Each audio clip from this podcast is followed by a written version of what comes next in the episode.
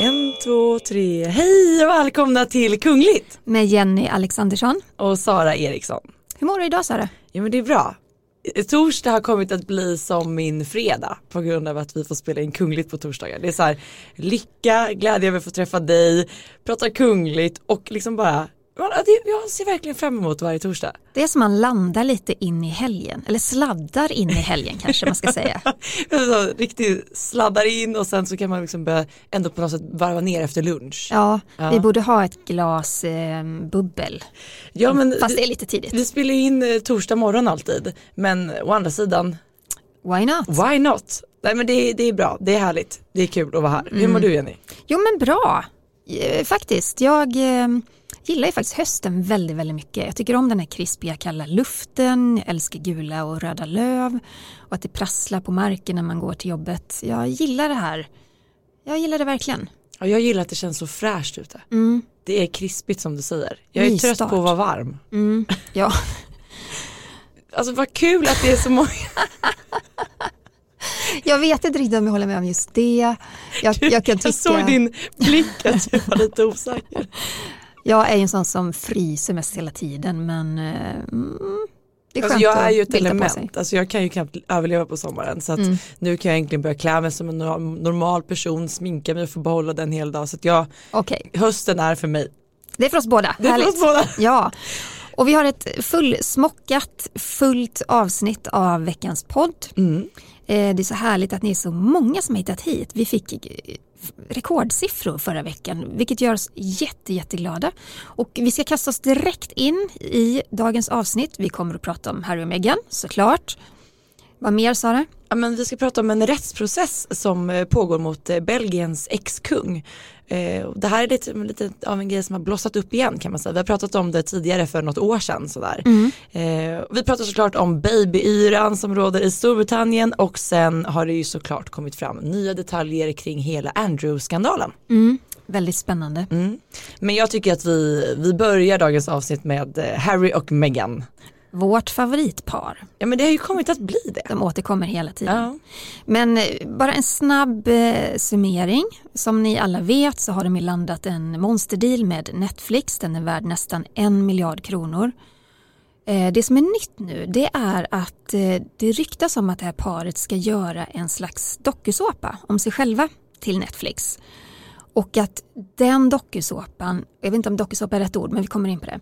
Men, men att den serien då skulle vara orsaken till att de har fått till den här enorma affären. Men då undrar jag så här som du sa, dokusåpa, alltså vad för typ av dokusåpa skulle de kunna göra eh, utan att liksom tappa allt förtroende även om de inte längre tjänstgör drottning Elizabeth. Eh, De kan ju aldrig göra en dokusåpa som liknar den här eh, Kardashian-såpan. Är ju- Keeping up with Harry and Meghan. Det går ju inte. Nej det går inte. Därför att då kommer man för nära och eh, det jag kan tänka mig är i så fall att den är mer fokuserad på deras arbete med välgörenhet. Ehm, för det finns ju rykten som säger där också då att Meghan har haft ett filmteam med sig på olika välgörenhetsevent. Eh, och att här, den här liksom flugan på väggen-serien ska handla om det men också om den här rättsprocessen som de går igenom. Mm. Eh, och källor till brittiska medier säger då att anledningen till att de vill göra det här det är att Meghan vill ge en sannare bild av sig själv. Och det är ju lite det som alltid blossar upp när man pratar om paret. Att det, man, kritikerna säger alltid då, eller ställer sig emot att, att alltså framförallt Meghan då, alltid vill försköna bilden av Mm. sig själv. Och i ett sånt här läge så är det, det är ett ypperligt tillfälle att få, om man nu har fått den här dealen och få kanske skapa det som man själv vill ska förmedlas. Ja, hon verkar vara besatt av att vilja skapa, eh, liksom måla upp en egen historia kring sig själv Mm. och kring Harry. Men jag, alltså jag kan inte släppa det här, jag återkommer ständigt till detta. De lämnade brittiska kungahuset för att de vill vara mer anonyma, slippa medieuppmärksamheten. Då flyttar de till Los Angeles där det myllrar av paparazzis. Mm. De ger sig i deal med Netflix som är liksom giganten i underhållningsvärlden. De ska då producera eget material, eventuellt göra någon slags dokumentärserie om sig själva. det är ju så dubbla signaler. Vad vill de Sara? Ja, det är ju väldigt oklart och för, för er som kanske är nya lyssnare i podden som inte har hängt med i hela Harry och Meghan snacket så handlar det ju om att Harry och Meghan har alltså backat ifrån det brittiska kungahuset just för att de vill ta ett kliv tillbaka, de vill inte vara lika mycket i rampljuset kan man väl förenklat säga det. Men samtidigt så har de fått behålla kungliga höghetstitlar eh, och är då de facto inte utkastade som man kanske många gånger vill prata om. Utan, de har ju ett prövoår. Precis, så att trots att de är liksom fortfarande en del av den brittiska kungafamiljen såklart, det är ju Harry det i och med att han är född där, han kommer alltid utgöra en del av familjen.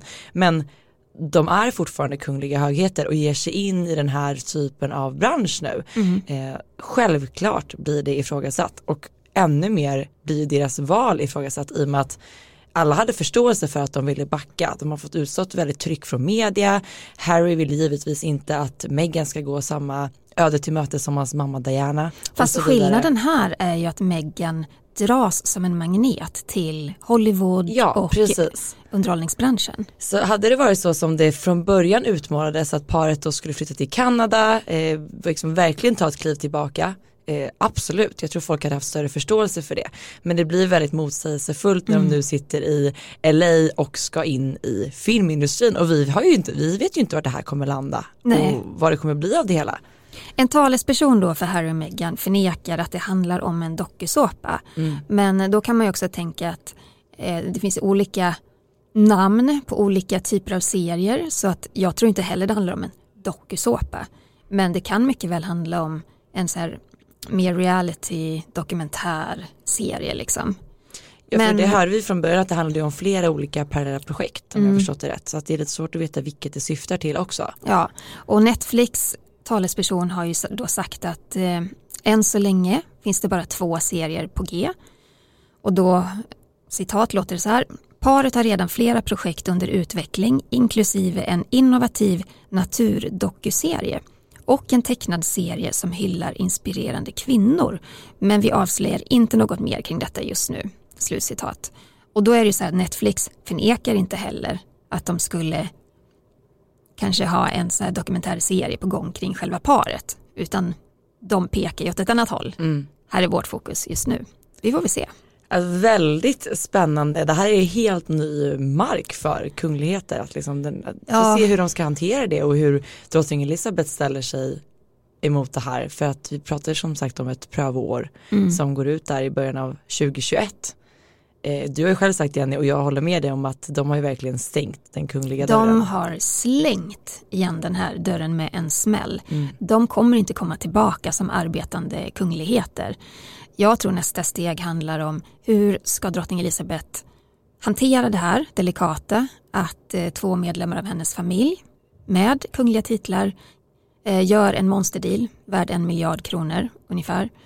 Och hur ska hon hantera ifall paret har satt sina kråkor på ett papper som, som kommer leda då till en dokumentär serie om två medlemmar i kungafamiljen. Och alltså samtidigt är... rullar liksom The Crown eh, ny säsong upp här i november där det verkligen börjar närma sig nutid. Mm. Eh, det handlar liksom om prins eh, Harrys pappa Charles och Dianas hela, hela liv så att det börjar liksom närma sig familjen men jag tror, idag. just när det gäller The Crown så tror jag att drottningen har lite mer så här överseende därför att alla vet att den är fiktiv.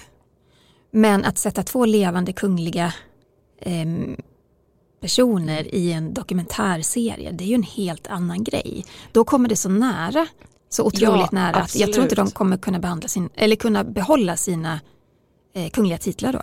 Det jag tänkte mer var att just The Crown, även om det är en påhittad story och att kungafamiljen inte har någonting att göra med den så är det fortfarande Netflix som ligger bakom den. Mm. Det är deras monstersatsning och självklart har det liksom varit shaky för kungafamiljen innan de liksom visste vad det handlade om och vad som skulle komma att avslöjas och så vidare och sen går liksom Harry och gör en deal med samma företag. Exakt. Det är liksom där det är känsligt att jaha nu, nu håller ni handen med varandra. Jag undrar vad som sades inne på Buckingham Palace när det här blev känt för drottningen. Den flugan på väggen hade man gärna velat vara, eller hur? Ja men verkligen.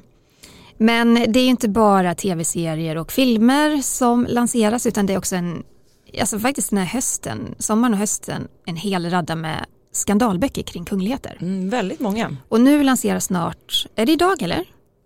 Nej. Nej det är en annan bok en som vi bok kommer som vi till prata senare. Den här tror jag är på G Mm. eh, under sen höst om jag har förstått det rätt. Och det är en bok som heter Battle of Brothers, William Harry and the Inside Story of a Family in Tumult. Och Oj, den är då skriven av historikern och författaren Robert Lacey. Och det, han är inte riktigt vem som helst. Eh, han har ju skrivit eh, biografier eh, förut, bland annat om, om drottningen. Och boken då ska, sägs handla om William och Harrys relation genom eh, pojkarnas uppväxt. Men då med fokus på vad som hände mellan dem i samband med eh, Mexit. Och apropå då The Crown så har ju den här författaren faktiskt varit någon form av konsult till Netflix just för att få det här lite mer verklighetstroget i och med att han har följt den brittiska kungafamiljen så pass länge och skrivit de här böckerna och så, och så vidare. Och eh, det sägs att en källa inom hovet eller familjen kommer att dela med sig av uppgifter för första gången någonsin i den här boken. Eh, huruvida det stämmer eller inte, det vet vi inte riktigt. Eh, vi har ju sett såna här hypade påståenden innan. Ja, senast Nej. nu Finding Freedom med Ja. Harry och Meghan som blev en Lite av en besvikelse en kanske. besvikelse så att vi ska nog inte hoppas för mycket. Men liksom, Vad kan man vänta sig av en sån här bok? Kommer det liksom ge några stora avslöjanden eller? ja om det finns, om det nu är en källa som kan komma med någonting nytt, absolut. Men vi får ju mest veta sådana här eh, anonyma källor till Mm. människor som sägs stå nära kungligheten och så vidare och så vidare. Och hur verklighetstroget troget det är, svårt att säga. Ja, för det är ett dilemma som man som hovreporter slåss med också. Det har ju hänt att jag ehm, faktiskt inte tagit med anonyma källor fastän det är en pålitlig källa just för att jag tycker att det påverkar ens journalistik så mycket det här med hemliga källor. Eh, det ska mycket till för att jag ska använda en anonym källa Mm. och då ska det ge någonting eh, bra liksom till det man skriver. Ja, men jag håller helt och hållet med dig. Men just eh, den här hösten har vi ju sett väldigt många exempel på där man hypar upp det och pratar om att man då skulle ha haft en källa på andra sidan Mm. väggarna. Eh, vi har inte sett det tidigare och vi får se om vi ser det nu då. Mm. Men eh, brödernas relation är ju ifrågasatt och det finns väldigt mycket spekulationer så kanske vore det bra med en bok som kunde klargöra lite mer för hur det ligger till. Vi kan ju hoppas på det. Vi hoppas på det. Ja. Men fler skandaler har briserat. Eh, Vi hoppar över till Belgien där det är en smutsig otrohetsskandal där den tidigare kungen, kung, ja, kung Albert av Belgien är inblandad. Mm. Och det här handlar om en eh, kvinna som heter Delphine Boel. Eh, Och det som har hänt är, vi backar tillbaka till januari 2020. För då, då tvingades belgiska exkungen Albert, han är 86 år gammal, ett, han tvingades göra ett DNA-test för att se om han är pappa till konstnären Delphine Boel. Och hon är, jag tror hon är 52 ungefär. Mm. Mm. För det är så att Delphins mamma, eh, Sibylle de Célie Longchamp, hon hade ett förhållande med kungen under många år. Mellan 1966 och 1984 och märk väl, han var ju gift med drottning Paula under den tiden. Mm. Och Delphine har ju liksom försökt att få honom att erkänna henne i många, många år. Eh, och det har hon inte riktigt kunnat göra för att han är ju kung och har åtalsimmunitet och hon kan inte stämma honom.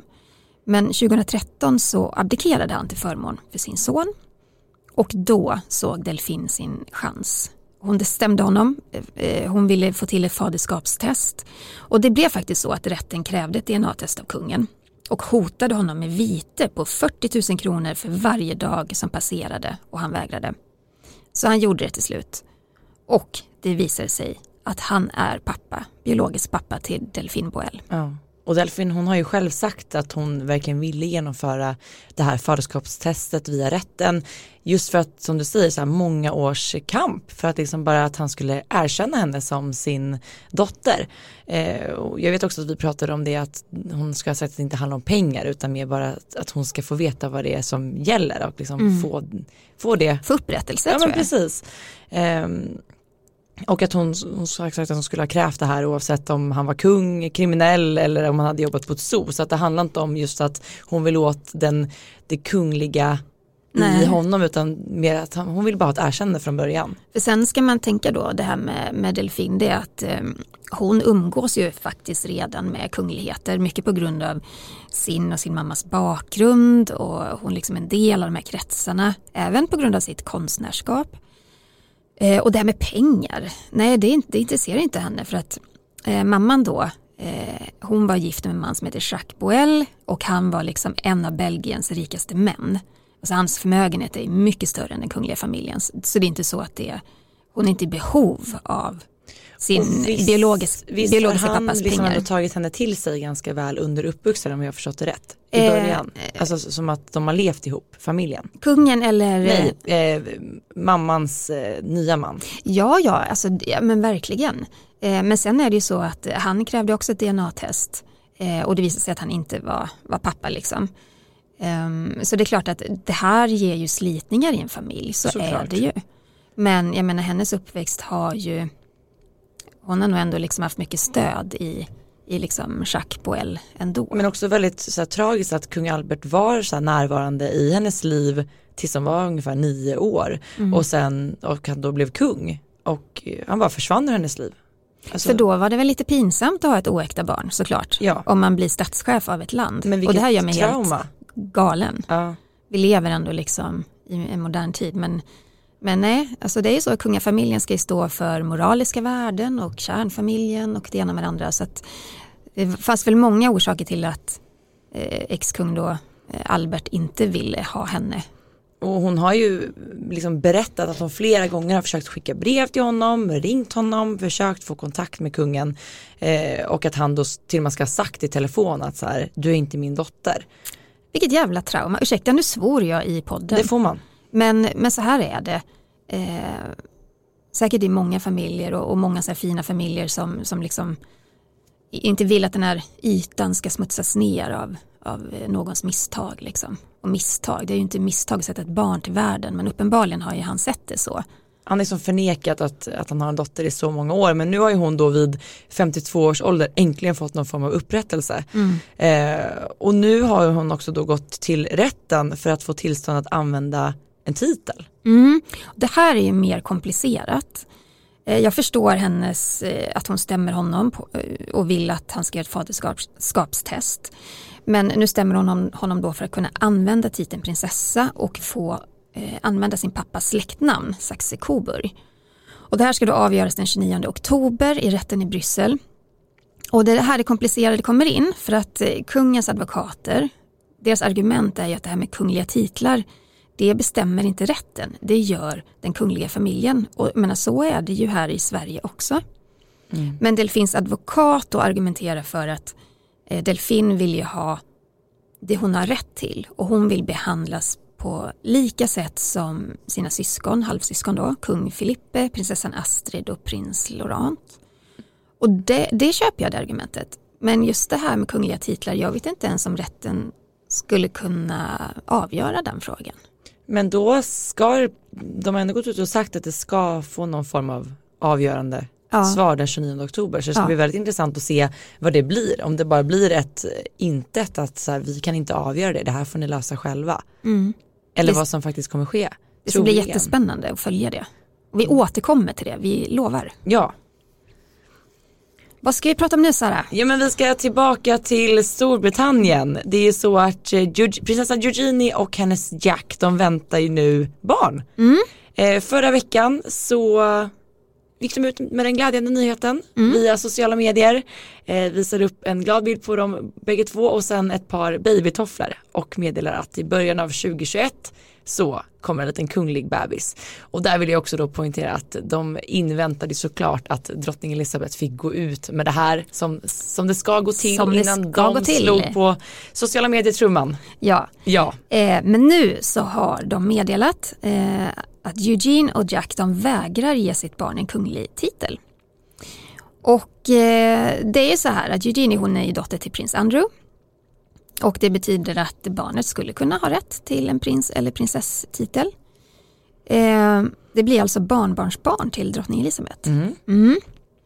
Men eh, nu är det ju så då att eh, brittiska eller källor till brittiska medier menar då att Eugene är så medveten om att att ha en kunglig titel det kan vara både en välsignelse och en förbannelse. Och då har de tagit beslutet att det här barnet kan leva ett mycket friare liv utan kunglig titel. Och då kan man ju bara dra, dra en parallell till drottning Elisabeths barnbarn Sarah Tindall. Hon är dotter då till prinsessan Anne. Hennes barn har ju inte heller några titlar. Men det finns ett stort men i det här. Det är också en gammal tradition, lite förlegad kanske, men i den brittiska kungafamiljen så ärvs kungliga titlar enbart på den manliga sidan. Och därför så har eh, eh, Sarahs kusiner då William och Harry, eh, Beatrice och Eugenie, prins och prinsesstitlar på grund av sina pappor helt enkelt. Gammeldags kan man tycka och mm. att det är.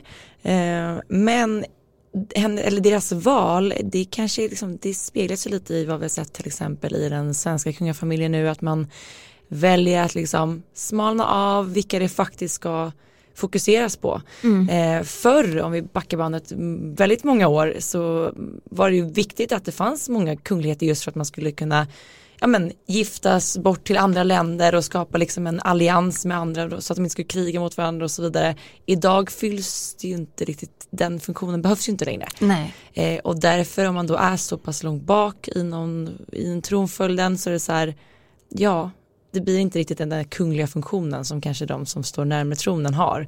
Och därför blir det mer bara ett liv enbart fullt av press. Mm. Och inte få göra då vad man, ja. Och, för med en titel så kommer ju ett ansvar. Har man en kunglig titel eh, då har man också ett ansvar att representera. Och då kanske Eugenie och Jack tänker att nej men utan kunglig titel så slipper det här barnet bära det ansvaret. Mm helt enkelt. Och uppmärksamheten såklart. Och eh, Eugenies mamma då, Sarah Ferguson, hon var ju väldigt snabb med att också dela sin glädje på Instagram. Hon är ju väldigt aktiv på, på Instagram, eh, Fergie. Och eh, ja, hon var ju såklart exalterad och eh, hon skrev då att hon under sina 60 år längtar efter att få bli mormor och att hon knappt kan bärga sig till den dagen som mm. det här barnet välkomnas till världen. Och eh, Fergie hon har en egen YouTube-kanal, Storytime with Fergie and Friends. Och där läser hon barnböcker. Och samma dag som den här nyheten kom om lilla barnbarnet så valde Sarah att läsa boken Magical Grandmother. Såklart. Det tyckte jag var lite kul. ja, ja, men jättegulligt. Men det är kul att eh, de ska få en bebis. De gifte sig, Eugenie och Jack gifte sig ju 12 oktober 2018 i St. George Chapel i Windsor Castle. Eh, och det var ju faktiskt ett väldigt stort bröllop. Särskilt med tanke på att Eugenie då mm. innehar plats nummer 10 i den brittiska tronföljden. Så hon är också ganska långt bak. Ja, fast ändå var det ju, det var ju verkligen påkostat bröllop. Mm. Eh, men kul för familjen också med lite glädjande nyheter tänker jag. Pappa Andrews skandaler ligger ju lite som ett ja, med ett tungt täcke över hela familjen såklart. Eh, och vi har fortfarande inte sett vart det kommer landa. Eh, jag tänker nu också på att Eugenies syster Beatrice gifte sig i somras. Självklart var ju Andrew på plats men han syntes han ju inte. syns inte just för att det är så pass känsligt just mm. nu. Och det är klart att det det förstör ju också för döttrarna. Så det känns kul att de får dela någonting, någonting glädjande med omvärlden. Jag tycker vi pratar om Andrew. Ja, nu var det ett tag sedan så det, är liksom, det börjar bli dags och det har ju kommit upp lite nya saker till ytan Låt här. oss lyfta Andrew-skandalen. En snabb summering. Han är indragen i Epstein-skandalen. Epstein var ju, eh, han är dömd eh, för sexbrott, eh, pedofili, Eh, han anklagas ju för en lång rad med eh, sexövergrepp på minderåriga tjejer. Mm. Och eh, nu har det då kommit en bok, nej men alltså just det, förlåt det, måste förklara. Andrew har då umgåtts med Epstein. De har varit goda vänner och har setts tillsammans framförallt i ganska många festliga sammanhang där liksom Epsteins offer har även umgås med Andrew. Ja och sen är det ju en kvinna som har klivit fram och berättat att jag tvingades ha sex med eh, prins Andrew. Och det slog ner som en bomb i kungahuset i Storbritannien. Det har också lett till att drottning Elizabeth, alltså prins Andrews mamma, har kastat ut honom just nu så att han jobbar ju inte som kunglighet för tillfället. Han har kvar sina titlar men han är inte en arbetande kunglighet. Han är lite ute i kylan kan man säga. I frost. I frosten. men det som också är situationen är som sådan att eh, Andrew själv verkar tro att någon form av strutsmetod ska rädda honom. Att så länge han kör ner huvudet i sanden så kommer ingenting att hända. Men så är ju inte fallet. Nej, det ligger ju och bubblar hela tiden. Eh, och nu har det kommit en ny bok Eh, den heter Sex, Lies and Dirty Money by the World's Gud vad lång titel. Sex, Lies and Dirty Money by the World's Powerful Elite. Den är lång ja. Den är lång. Den, Ja. är, den är skriven av Ian Harperin. Halperin. Yes. Eh, den släpps idag, nu när vi spelar in, torsdag. Och den här författaren då säger sig ha pratat med ett dussintal av Andrews älskarinnor. Och de här kvinnorna ska han då ha träffat via sin vän Epstein. Mm. Och vi har ju pratat vem Epstein är. Eh, men i boken då så, så står det bland annat att det råder ingen tvekan om att Epstein tillhandahöll flickor till Andrew och att det ska ha varit den största anledningen till att de var vänner. Mm. Gud vad tragiskt. Ja men hemskt. Och en älskarinna då i den här boken eh, berättar att Andrew ska ha skylt då sin den här så kallade playboy-livsstilen på att han då inte fick tillräckligt med uppmärksamhet som barn och när han var yngre. Och då ska han också ha skylt på att hans bror Charles då alltid varit den som det har fokuserats på. Men det är väldigt konstigt, jag, jag köper inte det överhuvudtaget. Nej nej nej det gör inte jag heller. Vilken konstig förklaring. Alltså, man, man begår ju inte sexbrott bara för att ett syskon Nej. har fått mer uppmärksamhet. Och eh, då ska även kvinnan ha sagt då att, eh, eller berättat att kvinnorna då i Andrews liv ska ha fått honom att känna sig lite mer speciell och uppskattad. Eh, det låter ju som en otroligt bra bortförklaring Andrew. Eh, ja, och, och, och det kom tydligen då från en av hans älskarinnor. Det Ja. låter ju jättekonstigt. Mm. Men författaren själv har ju sagt att den här boken kommer att skapa världsrubriker. Och han har sagt att han kommer bli mycket förvånad om Andrew inte kommer att bli förhörd efter det här boksläppet. Ehm, men han är också noga med att säga att författaren då att han inte har avslöjat några bevis som kan koppla Andrew till sex med minderåriga. Utan snarare då avslöjar liksom en mängd andra tidigare okända personer som kan kopplas till Epstein. Mm. Och den här boken, det är precis som vi pratade om tidigare, man får ju alltid ställa sig lite kritisk till den, man vet ju inte riktigt vilka de här källorna är, eh, de här så kallade älskarinnorna, hur mycket kontakt de faktiskt har haft med Andrew och så vidare. Men eh, bokens framsida då, som du sa Jenny, det är en lång titel och under titeln så förekommer det massa namn Kungliga namn. kungliga namn. Och där förekommer bland andra då svenska prinsessan Madeleine. Mm. Och det fick ju många att bli förvånade. Vad har hon med den här boken att göra? Ja, och kopplas upp med Epstein är väl det värsta för henne. Hon jobbar ju mot trafficking, pedofili och eh, sexbrott på barn. Precis. Men eh, det är klart att det är ett effektivt sätt att liksom locka uppmärksamhet till den här boken. Och eh, författaren skriver ju också att Epstein har varit besatt av prinsessa Madeleine, främst då när hon bodde i New York. Han ska ha träffat henne, drottning Silvia, på en välgörenhetstillställning. Det behöver i och för sig inte vara så förvånande, alltså om man rör sig i de här kretsarna, liksom den här sociala alltså eliten i New York, fine, det kan han absolut ha gjort. Men alltså författaren skriver också att Epstein anser då att prinsessa Madeleine var världens sexigaste kunglighet och han fick sina anställda att förfölja henne i smyg och sa till människor omkring honom att han skulle få henne. Eh, det känns ju som ett väldigt eh, spektakulärt ämne och uttalande. Det får man kanske också ta med en nypa salt tänker jag. Och det ska sägas då att det, sa, det, här, det här har då författaren sagt till Svensk Damtidning Mm, de har Eh, pratat med honom. med honom om de här detaljerna kring att de då skulle ha förföljt Madeleine och så vidare. Eh, och författaren till boken avslöjar även att Epstein då ska ha haft bilder av prinsessa Madeleines fötter. Hallå? Alltså, ja, det gör mig ännu mer skeptisk men världen är galen så ja, eh, kanske. Ja. Jag ska i alla fall läsa boken när den kommer för att försöka få någon bild av, av det hela men jag tar det med en nypa salt också känner jag. Och det är förmodligen inte sista gången vi pratar om den här boken. Det är ju väldigt många namn som förekommer på det här omslaget och flera kungligheter. Så vi ska prata om något som är mycket, mycket allvarligare. Eh, och det är att eh, kung Harald av Norge är sjuk. Och förra veckan så meddelade norska kungahuset att eh, kung Harald han har lagts in på sjukhus i Oslo, Rikshospitalet.